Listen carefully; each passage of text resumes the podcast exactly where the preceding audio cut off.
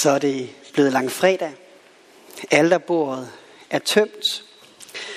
Og Jesus hænger på korset, afklædt, ydmyget og forhånet. Og der på korset råber han, min Gud, min Gud, hvorfor har du forladt mig? Som en skræmmende opfyldelse af profetien i salmernes bog. Men inden Jesus udånder, der hører vi også det opløftende råb, at det er fuldbragt.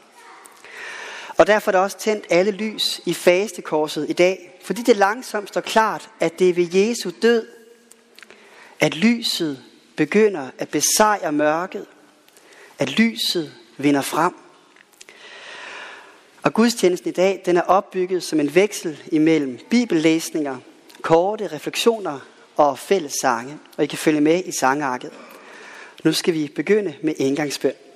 Vi læser den store profeti fra Esajas bog. Hvem troede på det, vi hørte? For hvem blev Herrens arm åbenbaret? Han skød op foran Herren som en spire, som et rodskud af den tørre jord. Hans skikkelse havde ingen skønhed. Vi så ham, men vi brød os ikke om synet. Foragtet og opgivet af mennesker. En lidelsernes mand, kendt med sygdom. En, man skjuler ansigtet for. Foragtet, vi regnede ham ikke for noget. Men det var vores sygdomme, han tog. Det var vores lidelser, han bar. Og vi regnede ham for en, der var ramt, slået og plaget af Gud. Men han blev gennemboret for vores overtrædelser og knust for vores sønder. Han blev straffet for, at vi kunne få fred. Ved hans sår blev vi helbredt. Vi flakkede alle om som får. Vi vendte os hver sin vej, men Herren lod al vores skyld ramme ham. Han blev plaget og mishandlet, men han åbnede ikke sin mund. Som et lam, der føres til slagtning, som et får, der er stumt, mens det klippes, åbnede han ikke sin mund. Fra fængsel og dom blev han taget bort. Hvem tænkte på hans slægt, da han blev reddet bort fra de levendes land? For mit folks synd blev han ramt. Man gav ham grav blandt forbrydere og gravplads blandt de rige, skønt han ikke havde øvet uret. Der fandtes ikke svig i hans mund. Det var Herrens vilje at knuse ham med sygdom. Når hans liv er bragt som skyldoffer, ser han afkom og får et langt liv, og Herrens vilje lykkes ved ham. Efter sin lidelse ser han lys. Han mættes ved sin indsigt. Min tjener bringer retfærdighed til de mange, og han bærer på deres sønder. Derfor giver jeg ham del med de store, med de mægtige deler han bytte, fordi han hengav sit liv til døden og blev regnet blandt lovbrydere. Men han bar de mange synd og trådte i stedet for syndere. Amen. Det er næsten ikke til at begribe, at det her løfte er skrevet flere hundrede år før Jesu død. Det er så præcist, og det er så grusomt. Ja, han skulle ikke bare lide og dø. Først skulle han blive foragtet og svigtet og opgivet af mennesker. Han skulle ikke bare lide og dø en stilfærdig død. Nej, han skulle slagtes. Slagtes som påskelammet. Det er så brutalt, og det er så ondt og smertefuldt. Og samtidig har jeg også ofte fundet trøst netop i de her ord fra Esajas. For det er tydeligt, at Gud han kommer så langt ud og synker så dybt, at det bare ikke kan blive værre. Gud han rammer virkelig bunden. Og det giver mig håb. Det giver mig håb om, at Gud han altid er under os, uanset hvor dybt eller hvor hårdt vi falder. Ja, for det var vores sygdomme, han tog. Også den grimme sygdom, som du kæmper med, eller som en af dine nære kæmper med. Han tog alle de ødelæggende sygdomme på sig, for at vi aldrig skal være syge alene, og for at vi kan spejde mod håbet om en ny verden, en verden uden sygdom og ondskab. Og han blev en, man skjuler ansigtet for. Det er så skamfuldt. Men også der, når vi væmes over os selv, når vi end ikke kan se os selv i øjnene, eller vi bliver larmet af, hvad andre tænker om os, så er vi i samme båd som Herren selv. Vi regnede ham ikke for noget, men det var ham, der blev vores største redning. Og der fra dommen og døden, der blev lyset tændt. Som Esajas profeterer, efter sin lidelse ser han lys. For Guds eget lam døde uskyldigt i vores sted.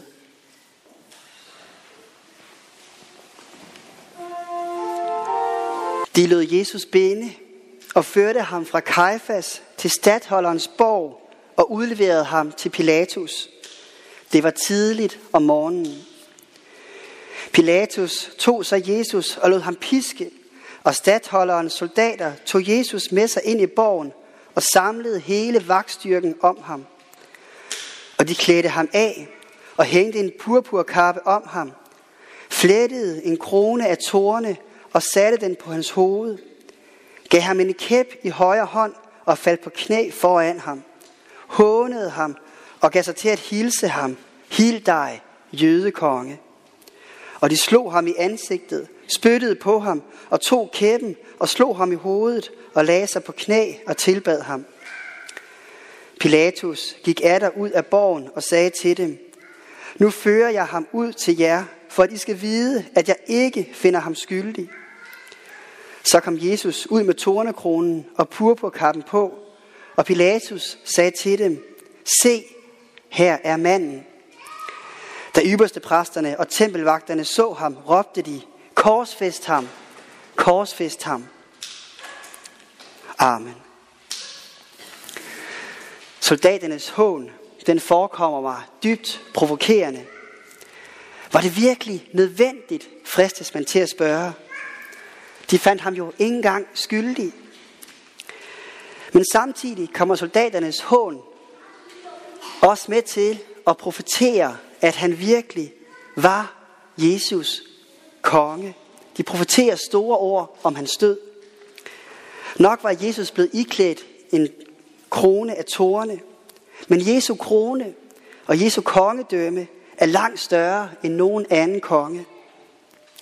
Nok lagde de sig på knæ for at håne ham. Men siden dem har tusindvis af mennesker over hele verden hver eneste dag i, fuld der, i deres fodspor og knælet for deres korsfæstede frelser. Ikke i hån, men i bøn. Og da Jesus forpint og forblødt bliver bragt ud til folket, så siger Pilatus, se, her er manden. Og de ord står også som en henvisning til Nathan i det gamle testamente, der udpeger David og siger, du er manden. Og det understreger, at Jesus var en endnu større konge end David. Og samtidig viser det, at Jesus gik i døden for alle. Alle, der har fortjent og forbrudt sig. Alle, der har fortjent straf og forbrudt sig. Præcis ligesom det var tilfældet med David. For Jesus gik i døden for syndere. Lad os synge, Hil dig, frelser. Da Pilatus hørte de ord, førte han Jesus ud og satte sig i dommersædet på det sted, som kaldes Stenbroen, på hebraisk Gabata. Det var forberedelsesdagen til påske ved den 6. time. Pilatus sagde til jøderne, her er jeres konge. Der råbte de, bort med ham, bort med ham, korsfest ham. Pilatus sagde til dem, skal jeg korsfeste jeres konge? Ypperste præsterne svarede, vi har ingen anden konge end kejseren. Da Pilatus så, at der ikke var noget at gøre, men at der tværtimod blev uro, ville han gøre folkeskaren til pas, og han besluttede, at deres krav skulle efterkommes. Han tog noget vand, og i skarens påsyn vaskede han sine hænder og sagde, Jeg er uskyldig i denne mands blod. Det bliver jeres sag. Hele folket svarede, Lad hans blod komme over os og vores børn. Da løslod han dem Barbas, ham de krævede, ham der var kastet i fængsel for oprør og drab, men lod Jesus piske og udleverede ham, så de fik deres vilje for, at han kunne blive korsfæstet. De førte ham ud til det sted, som på hebraisk hedder Golgata. Det betyder hovedskalsted. De ville give ham vin, krydret med myrer, men da han smagte det, ville han ikke drikke det. Og de korsfæstede ham sammen, og de korsfæstede ham, og sammen med ham to andre. Den ene på hans højre side, den anden på hans venstre side, med Jesus i midten. Således gik det skriftord i opfyldelse, som siger, og han blev regnet blandt lovbrydere. Det var den tredje time, da de korsfæstede ham. Men Jesus sagde, Fader, tilgiv dem, for de ved ikke, hvad de gør.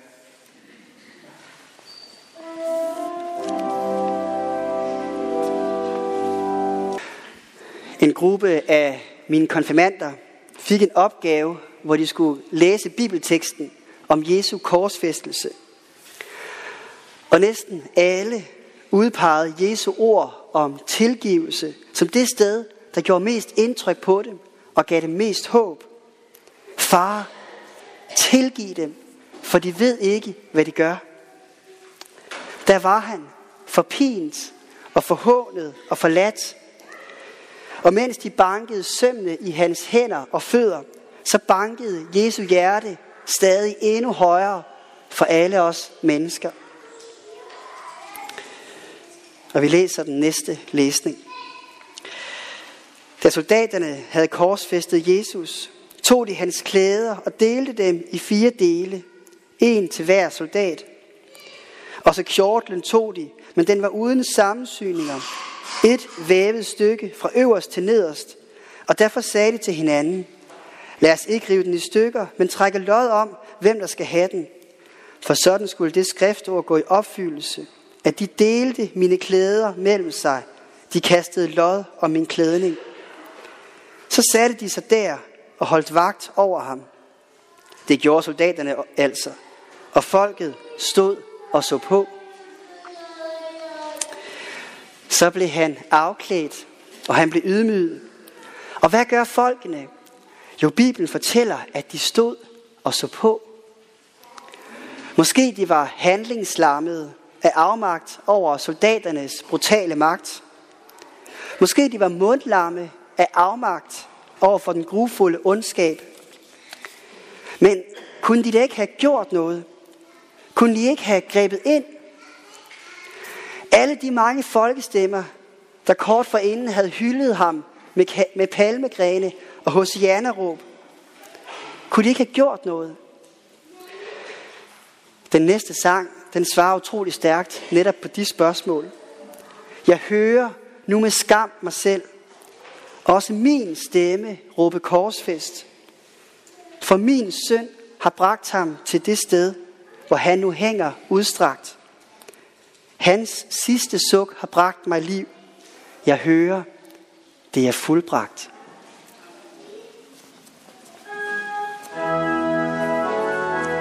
Men ved Jesu kors stod hans mor, hans mors søster Maria, Klopas hustru og Maria Magdalene. Da Jesus så sin mor, og ved siden af hende den disciple, han elskede, sagde han til sin mor, Kvinde, der er din søn. Derpå sagde han til disciplen, der er din mor. Og fra den time tog disciplen hende hjem til sig. Vi skal gøre et lille ophold i tekstlæsningen her. Det kan synes som en lille detalje i det store billede, men omsorg er aldrig bare en lille detalje. For det er i omsorgen, at livet det blomstrer på ny. Og Jesu ord til hans mor og til hans ven vidner om, at det ikke kun var Jesus, der blev forpint og plaget den her dag. Alle de pårørende, der stod omkring, bar på den samme smerte. Og derfor vil jeg gerne, at vi nu i et øjeblik er stille, hvor vi beder en bøn for Maria og for Johannes, og for alle os, der er blevet efterladte og har mistet i årenes løb. Lad os bede sammen.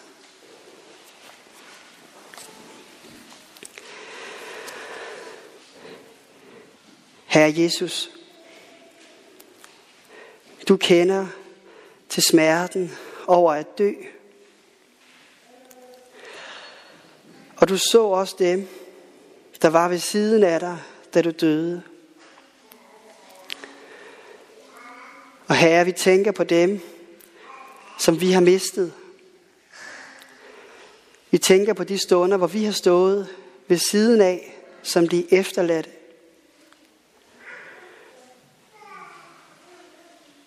Herre, se også til os.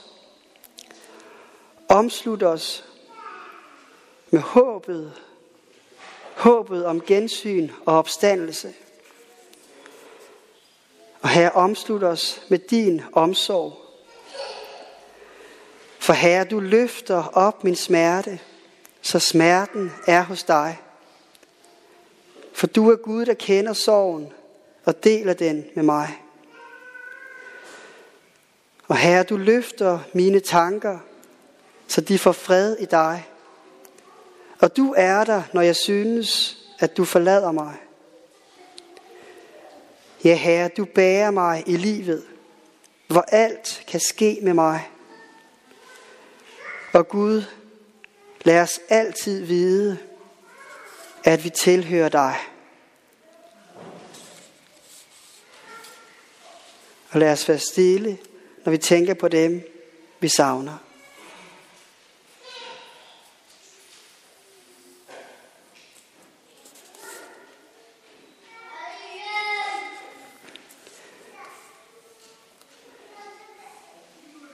Ja, Herre, tak for håbet om, at vi kan være med dig i paradis. Amen.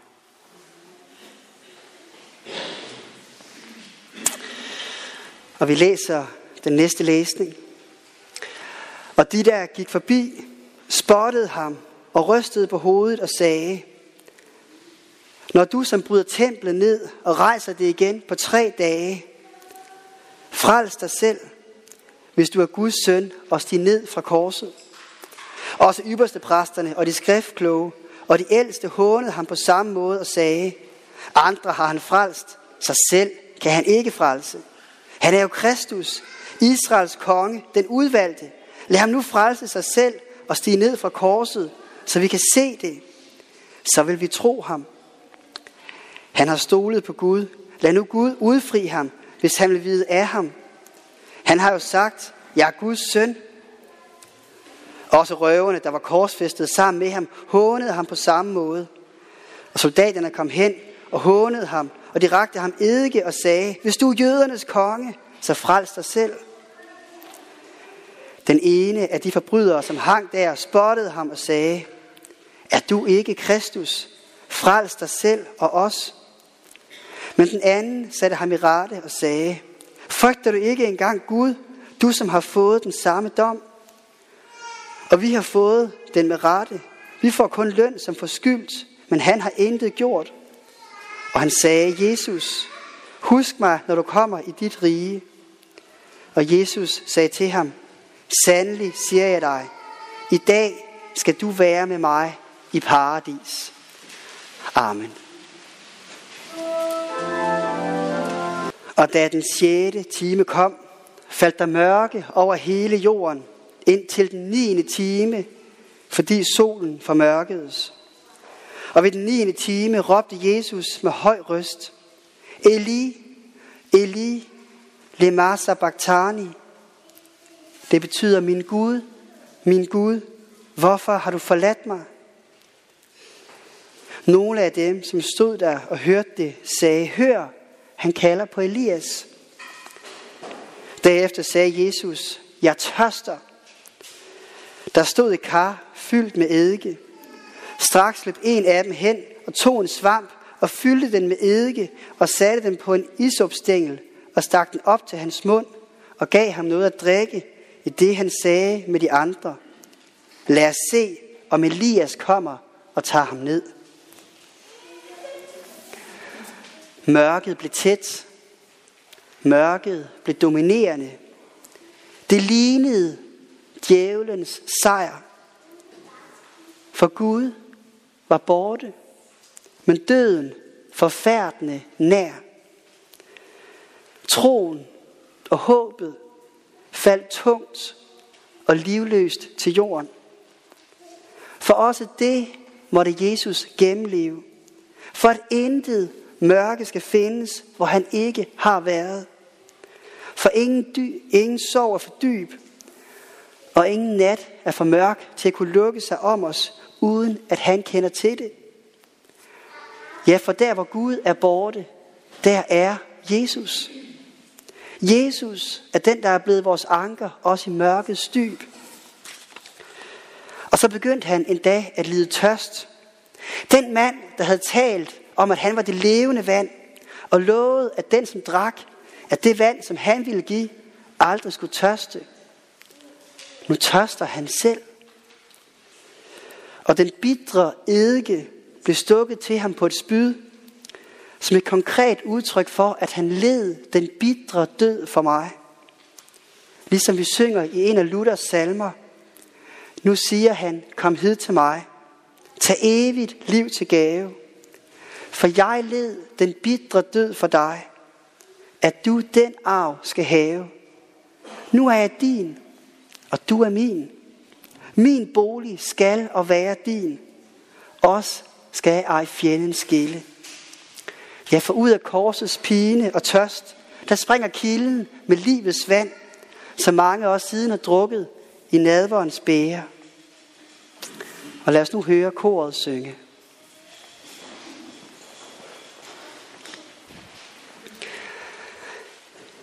Da Jesus havde fået eddiken, sagde han, det er fuldbragt.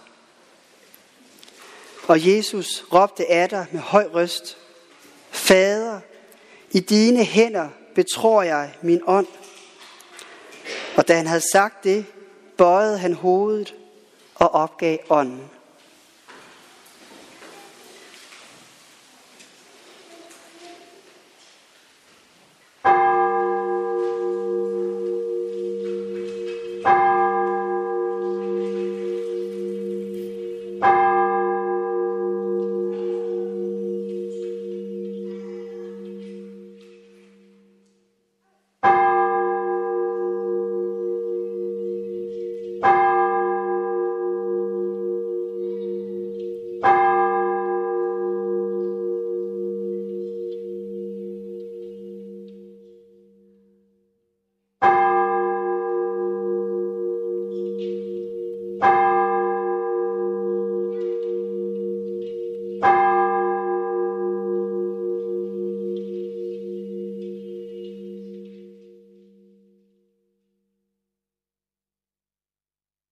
Det var forberedelsesdag.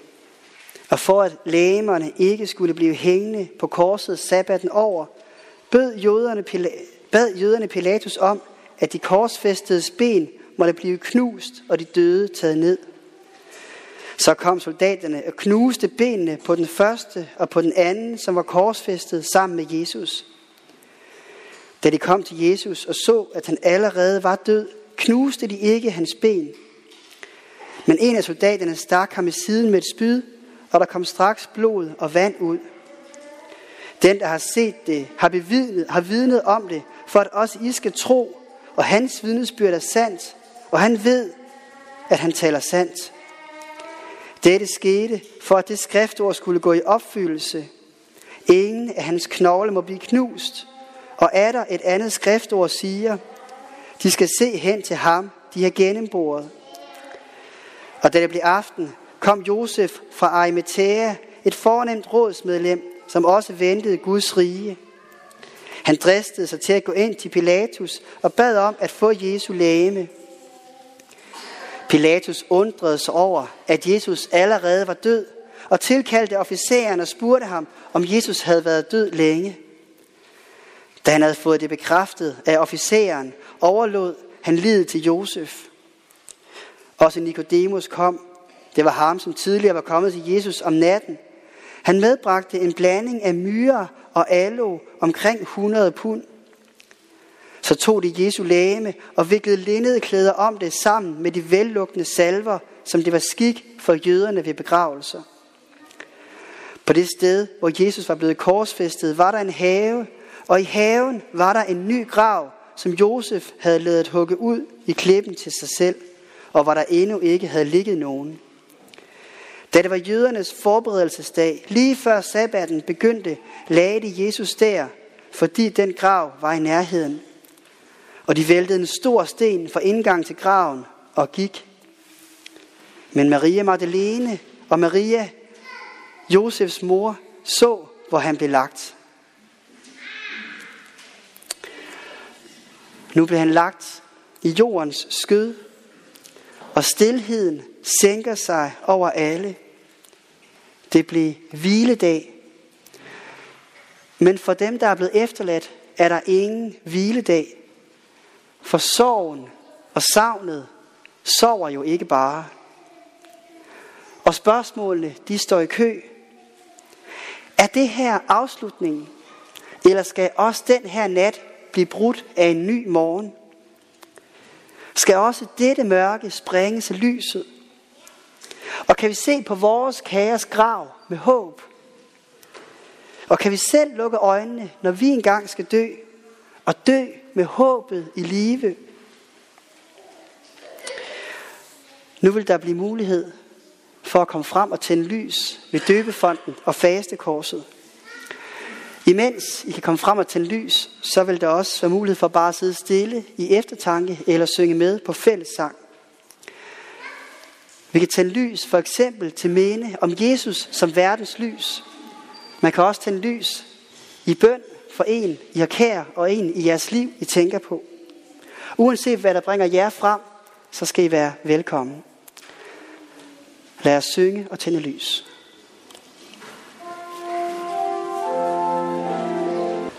Lad os bede sammen.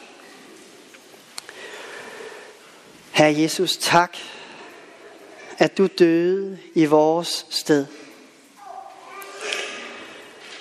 Og vi beder, du var far, som er i himlene. Hellige blive dit navn, komme dit rige. Ske din vilje som i himlen, således også på jorden. Giv os i dag vores daglige brød, og forlad os vores skyld, som også vi forlader vores skyldnere. Led os ikke ind i fristelse, men fri os fra det onde, for dit er riget og magten og æren i evighed. Amen. Og modtage Herrens velsignelse. Jesus sidste ord var, det er fuldbragt, og på de ord kan vi modtage Herrens velsignelse. Herren velsigne dig og bevare dig. Herren lad sit ansigt lyse over dig og være dig nådig. Herren løfte sit ansigt mod dig og give dig fred.